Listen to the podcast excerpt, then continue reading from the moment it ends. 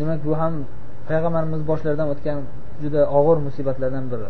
Yana bir hadisda oysha roziyallohu anhu rivoyat qiladilar so'radilar payg'ambarimiz sallallohu alayhi vasallamdan hal ata alayka yawmun kana ashadda alayka min yawm uhud? Uhud jangidan ko'ra uhud kunidan ko'ra qattiqroq musibatli kun kelganmi siz boshingizga ey rasululloh? deb so'radilar. Uhud jangida bilasizlar qattiq musibat yetmishta sahobiy qatl qilingan payg'ambarimiz o'zlari yaralanganlar.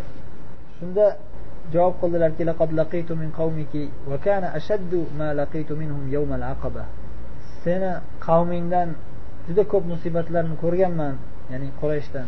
Eng qattiq boshimga tushgan musibatlardan biri yavmil aqaba aqaba kuni.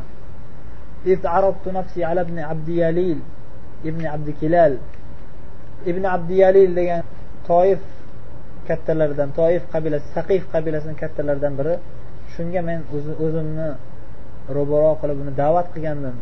Islomga kirishga chaqirgandim.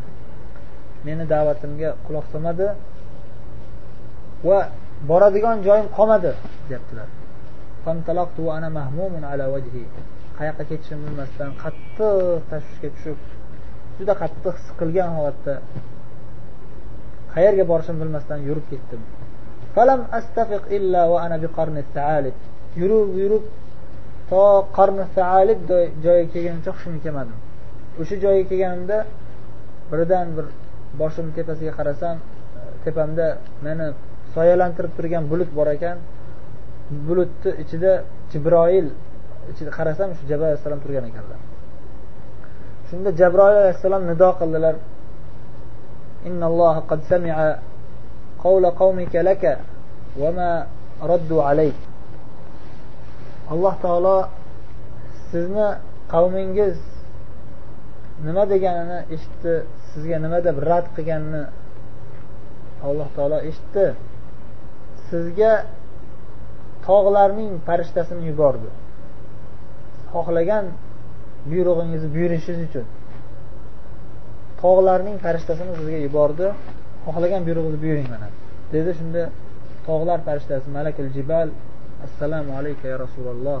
Ya muhammad laka ma shi't in shi'ta an utbiqa alayhim al akhshabayn xohlagan savol tilagingizni tilang. Nima so'rasangiz biz bajaramiz. Xohlasangiz ikkita katta tog'ni shunday makka ahlini ustiga bosib qo'yamiz. Chunki makka ahli haddan oshiq ziyo haddan tashqari zulm tug'yon ozor berib qiynab haddan oshib ketishdi. Hatto payg'ambar sallallohu alayhi vasallam toifga chiqib ketishga majbur bo'ldilar. Toifdan keyin toifdagilar ham qabul qilmagandan keyin da'vatni qayerga borishni bilmasdan ko'chada qolib ketdilar. Shunday holatda alloh taolo ko'chada qolib ketganlarida qayerga borishlarini bilmay turgan paytlarda olloh o'zi u kishiga yordam berib o'zi mo'jiza ko'rsatib farishtani yubordiki payg'ambar ma'naviyatlarini ko'tarsin. Xohlaganingizni so'rang ey muhammad. Tog'ni bostiraylikmi shu zolimlarni boshiga? Tog'ni tog'i tagida qoldiramiz kerak bo'lsa xohlasangiz deganda payg'ambar javob qildilarki bal arju an yukhrijalloh min aslabihim man ya'budulloha wahdahu la yushriku bihi shay'a. Allohu akbar. Naqadar ham rahmli kechirimli halim payg'ambar javob qildilarki yo'q men olloh subhanava taolodan umid qilib so'raymanki bu zolimlar bular zolim bo'lsa ham bularni bularning zurriyotidan yolg'iz ollohning o'ziga ibodat qiladigan allohga hech qanday shirk keltirmaydigan insonlarni chiqaradi deb ollohdan so'rayman. Bularni o'ldirib o'ldirib yuborgandan ko'ra ularni avlodidan yaxshi mo'minlar chiqadi deb umid qilaman deb zolimlarni ham zulmini esdan chiqarib kechirib yubordilar. Yana keyingi rivoyatda abdulloh ibn amr ibn osdan keladi.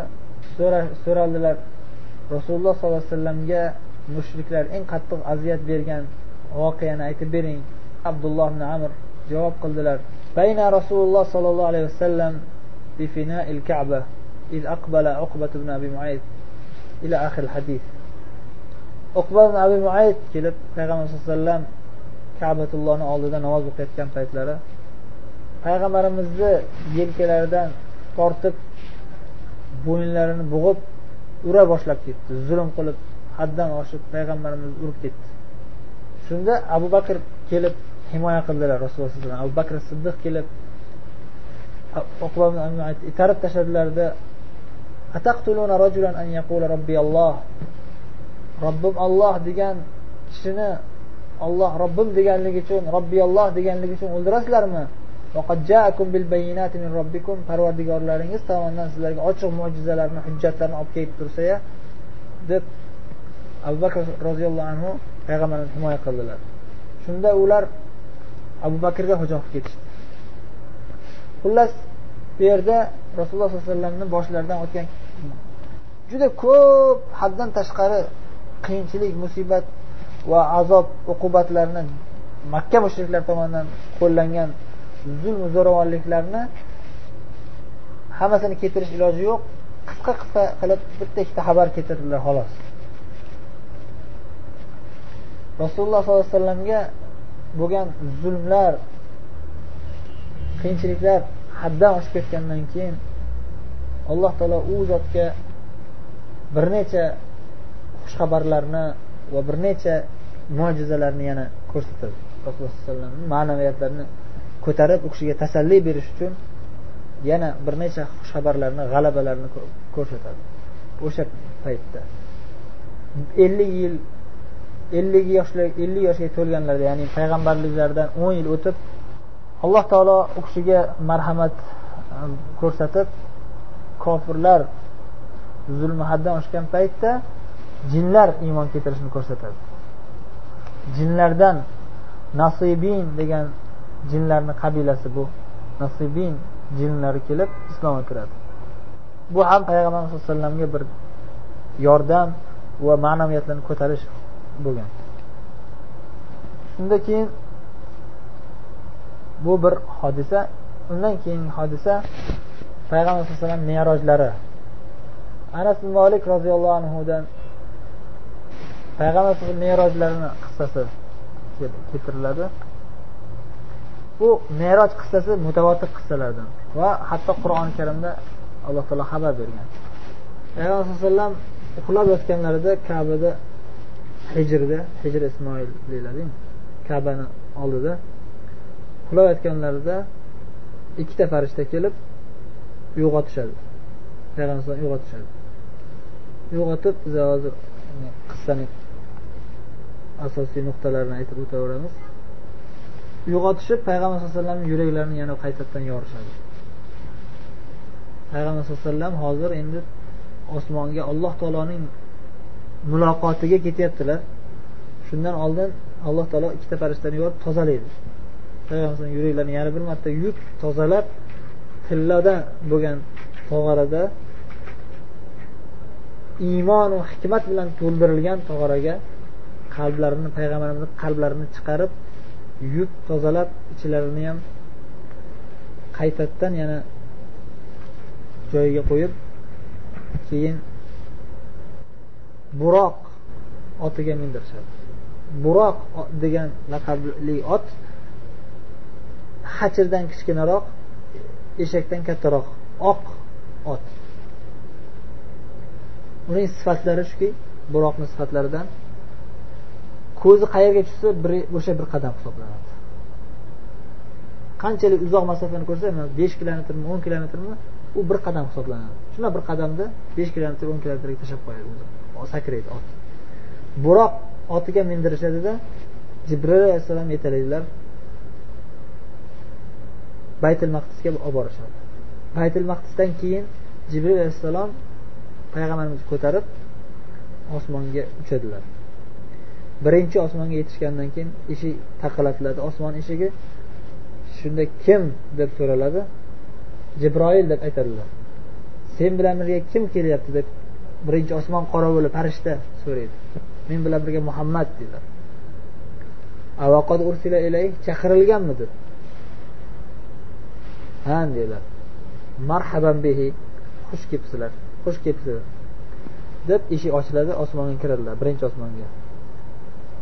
Qarasam birinchi osmonda odam alayhissalom o'tirgan birinchi osmonga kirganlar shunda aytishdiki bu odam otangiz bo'ladi. Sallim alayh salom bering. Salom berdim odam alayhissalom javob qaytarib alaykum assalom marhaban bil ibn solih nabiy solih. Yaxshi o'g'lim yaxshi payg'ambar solih payg'ambar va solih o'g'lim xush kelibsiz dedilar. Keyin ikkinchi osmonga ko'tarilib jibril alayhissalom olib kelib ko'tardilar yana. Ikkinchi osmonni taqillatdilar. Kim deyildi? Jibroil alayhissalom man jabroilman men bilan birga muhammad dedilar. Chaqirilganmidi chaqirilgandi xush kelibsizlar deb eshik ochildi. Qarasam eshikka kirgandan keyin ikkinchi osmonga chiqqanlaridan keyin qarasalar yahyo alayhissalom bilan iso alayhissalom o'tirgan ekanlar. Endi bu yerda asosiy bor odamlardan asosiylarini aytilyaptida bu yerda yahyo alayhissalom iso alayhissalom boshqa payg'ambarlar ham bo'lishi mumkin. Ulardan tashqari maloikalar to'la. Maloikalar to'la. Osmonda. Yahyo bilan iso alayhissalom xalovatcha bo'lishgan ularga salom berishdi ular ham javob qaytarishdi. Marhaban bil axis solih va solih. Solih ukamiz solih nabiy payg'ambar xush kelibsiz deyishdi.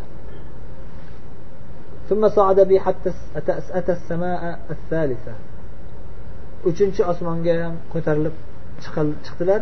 Jabroil alayhissalom ko'tarib olib chiqdilar payg'ambarimizni. Uchinchi osmonga kirishdi. Yana xuddi o'sha tariqada eshik taqillatib ruxsat so'rab va xush kelibsizlar deyilgandan keyin uchinchi osmon kirganlaridan qarasa yusuf yusuf alayhissalom bor ekanlar. Savol salom berdilar u kishi ham salomga javob qaytarib xush kelibsiz dedilar. Keyin to'rtinchi osmonga chiqishdi. To'rtinchi osmonda ham xuddi shunday kirganlaridan qarasalar idris alayhissalom bor ekanlar salomlashib keyin beshinchi osmonga ko'tarildi qarasalar beshinchi osmonga kirganlaridan keyin horun alayhissalom o'tirgan ekanlar. Salomlashdilar. Oltinchi osmonga chiqdilar. Oltinchi osmonda muso alayhissalom o'tirgan ekanlar. Salom berdilar. Oltinchi osmondan yettinchi osmonga ko'tarilganlaridan keyin endi ko'tarilib ketayotganlarida muso alayhissalom yig'labdilar. Muso alayhissalom yig'laganlarida nimaga yig'layapsiz deb so'ralibdi. Javob qilibdilarki muso alayhissalom men yig'laganim sababi mendan keyin kelgan mana bu payg'ambarning ummati mening ummatimdan ko'ra ko'proq. Ya'ni muso alayhissalom ikkinchi darajada turadi ummatlar ko'pligi jihatdan. Juda ko'p bo'lgan ummatlar.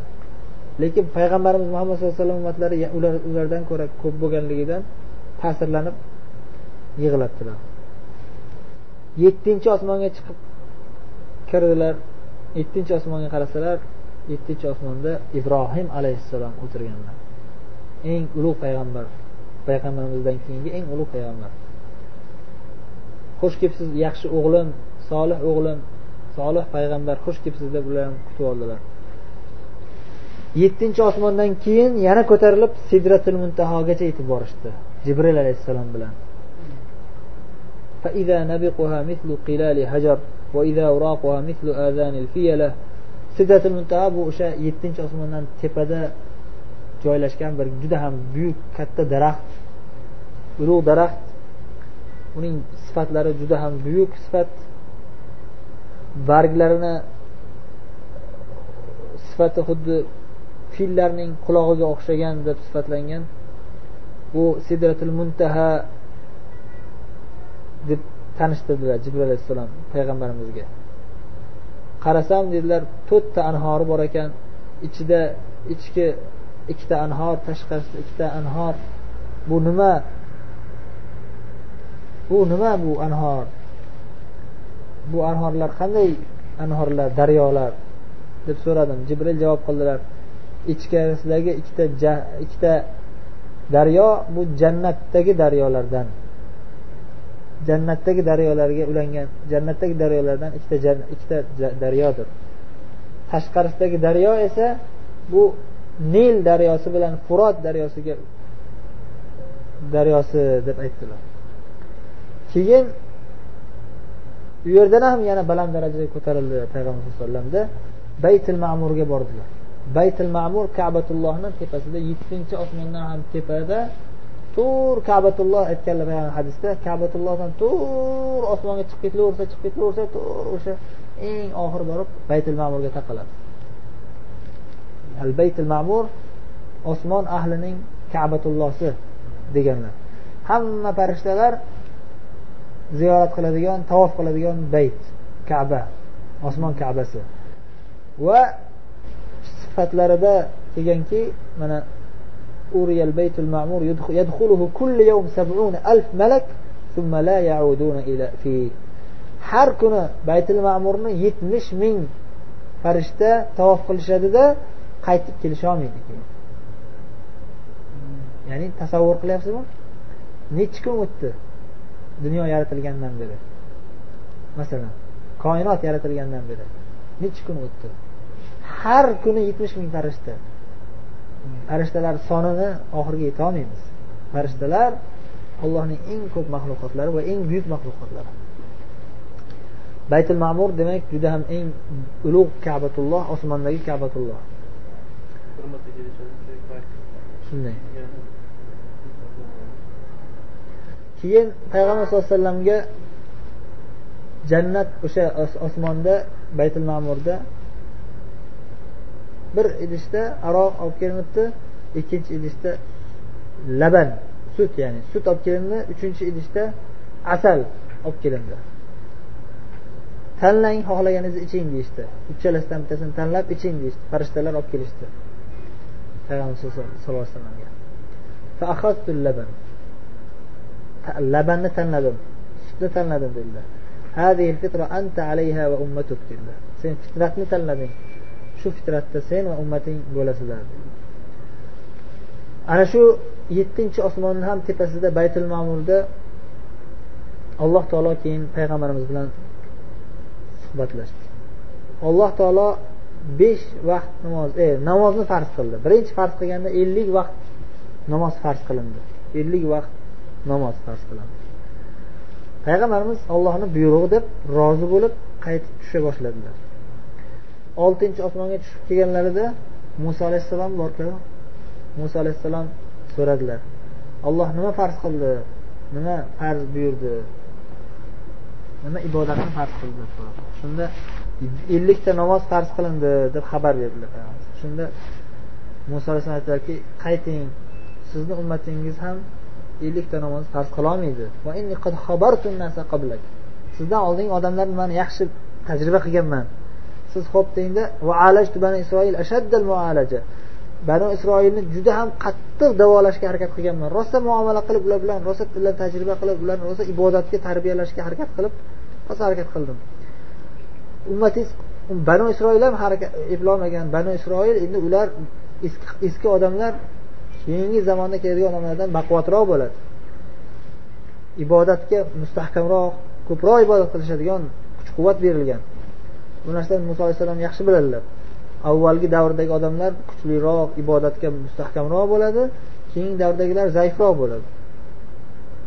Shuning uchun aytadilarki banu isroil bajarolmagan san ummating sizni ummatingiz bajarolmaydi. Ila robbika li ummatik. Alloh taologa qaytib chiqingda ummatingizga yengillashtirishni so'rang dedilar.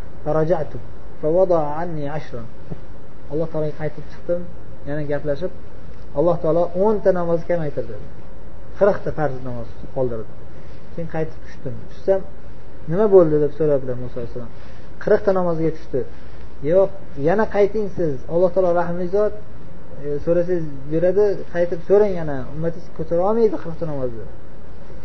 Yana qaytib chiqdim. Yana olloh o'nta tushirdi. o'ttizta namozga tushdi. Qaytib tushayotganda muso alayhissalom yana so'radilar. Yana qaytardilar. E boring dedilar. Yana chiqdilar yana yigirmata namozga tushdi yana o'nta namozga tushdi. Keyin oxirgi ey siz yana chiqing deb qattiq turdilar muso alayhissalom. Ummatingizga og'ir bo'ladi ko'tarolmaydi ummatingiz. Oxirgi safar chiqqanlarida besh vaqt namozga kamaytirildi. Va alloh taolo aytdiki hunna xamsun va hunna xamsun alloh taolo aytdiki payg'ambar sallallohu alayhi vasallamga shu besh vaqt namoz agar besh vaqt namozni sani ummating mukammal bajarsa men ellik vaqt namozni ajrini beraman mayli dedi. Allohni rahmi marhamatini ko'ryapsizmi? Besh vaqt namozni mukammal bajarsa odamlar ellik vaqt namoz savobini beraman dedi. Shunda payg'ambar alayhisalom xursand bo'lib yana qaytdilar. Yana muso alayhissalom besh vaqt namoz bo'lganini eshitib buni ham bajarish olmaydi dedilar. Shunda yo'q endi uyalaman. Alloh taolo besh vaqt namozni mukammal bajarsa ellik vaqt namozni ba'zi vaqtini savobini beraman dedi. Endi chiqmayman endi uyalaman dedilar.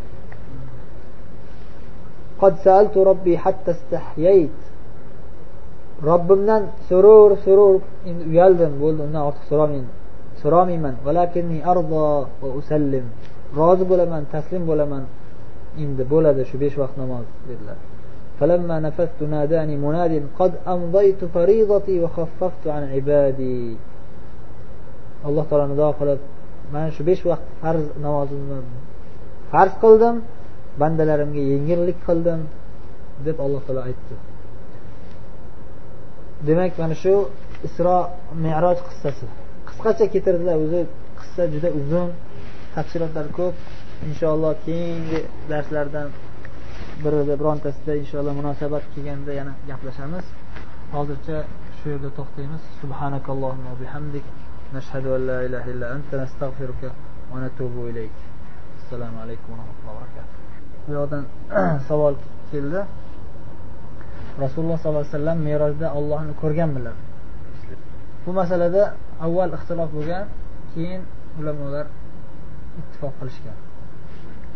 Boshida ibn abbos roziyallohu anhu ko'rganlar deb e'tiqod qilganlar. Chunki rasululloh sallallohu alayhi vasallam bir hadisda roitu robbi deganlar. Parvardigorimni ko'rdim deganlar. Lekin bu hadisda e, aytilgan payg'ambarimizni ko'rishliklari u tushlarida ko'rganlar. Merojda emas. Tushlarida ko'rganlar. Merojda ko'rmaganlar. Balki so'ralganlarida rasululloh sollallohu alayhi vasallam so'rashadi. Merojda parvardigoringizni ko'rdingizmi? deganda nurun anna aroh deganlar nur bor qanday qilib ko'ra olaman sahih sahih hadisda keladiki alloh taoloning hijob hijabuhu nur alloh taoloning to'sig'i hijobi to'sig'i alloh taolo o'zini to'sib qo'ygan to'sig'i hijobi nur deganlar لو كشفه لأحرقت سبحات وجهه ما انتهى إليه بصره agar alloh taolo o'z hijobini nurni olib tashlaydigan bo'lsa u zotning subuhotlari nurlari alloh taoloning nurlari ya'ni u hijobdan tashqari u nurdan tashqarigi allohning o'zining nurlari alloh taoloning ko'zi qayergacha borsa o'sha joygacha yondirib tashlaydi. Ya'ni butun koinotni yondirib yuboradi. Ya'ni bu ollohni hikmati ya'ni buyukligini xabari alloh taolo o'zini to'sgan nur bilan to'sib qo'ygan. Uni bu dunyoda hech kim ko'rolmaydi va bu dunyodagi tabiatdagi inson ham ko'rolmaydi. Rasululloh alayhi vasallam shu dunyodagi tabiatda. Oddiy bir inson tabiatidalar. Osmonga chiqqanlarida ham tabiatlari o'zgarmagan. O'sha tabiatda chiqqanlar. Shuning uchun ko'rolmaydilar o'sha uchun nurun anna aroh deganlar. Nur alloh taolo nur bilan to'sib qo'ygan o'zini. Qanday qilib ko'raman dedilar va sahih hadisda oysha roziyallohu anhu aytadilarki uchta narsani kim davo qilsa u yolg'on davo dedilar shu yerda shulardan biri kimki muhammadan robbahu faqad kimki muhammad sallallohu alayhi vasallam parvardigorini ko'rgan desa rasululloh ko'rgan bo'lsa u yolg'ondan tuhmat qilgan bo'ladi deganlar lekin bu e, ibn abbosga tuhmat qildi deyilmaydi. Ibn abbos hadisdan shunday tushunganlar. Robbi fi ahsani sura degan hadis E, parvardigorimni eng go'zal suratda ko'rdim degan hadis bor. Sahih hadis bu ham. Lekin bu narsani payg'ambar alayhisalom tushlarini aytayotganini aytganlar. Tushlaridagini gap aytganlar. Tushlarida ko'rganlar. Ammo o'nglarida ollohni ko'rmaganlar. Qur'onda kelgan van najm surasidagi e,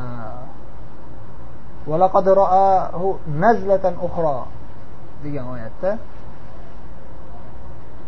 jibril alayhissalom ko'rganlar. Jibril alayhissalomni muhammad sallallohu alayhi vasallam jibril alayhissalomni asl xilqatlari asl suratlarida asl qiyofalarida ikki marta ko'rganlar. Bir marta vahiy tushganda. Vahiy tushgandan keyin ikkinchi haligi. O'zlarini tashlab yubormoqchi bo'lganlarida alloh taolo jibril alayhissalom yuboradi ufuqni to'sgan lahu olti yuz olti yuzta qanoti bor ekan. Butun shundoq osmonga qarasang hamma yog'i to'sib qo'ygan ekan. Qarasam jibril alayhissalom to'sib qo'ygan ekan.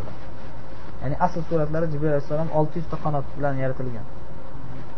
Eng katta maxluqlardan. Bir marta yerda ko'rganlar ikkinchi marta osmonda. O'sha merosda ko'rganlar. Jibril alayhissalomni asl xilqatlarini. Payg'ambar alayhisalom demak tushlarida ko'rganlar alloh taoloni. Tushlar tushda ko'rish bu boshqa. Ya'ni tushlarda ko'rganliklari to'g'ri bu. Tushda ko'rish bu boshqa holat. Ammo o'nglarida ko'rishlik iloji yo'q narsa. Insonni toqatidan ziyod narsa. Shuning uchun alloh taolo muso alayhissalomga nima dedi?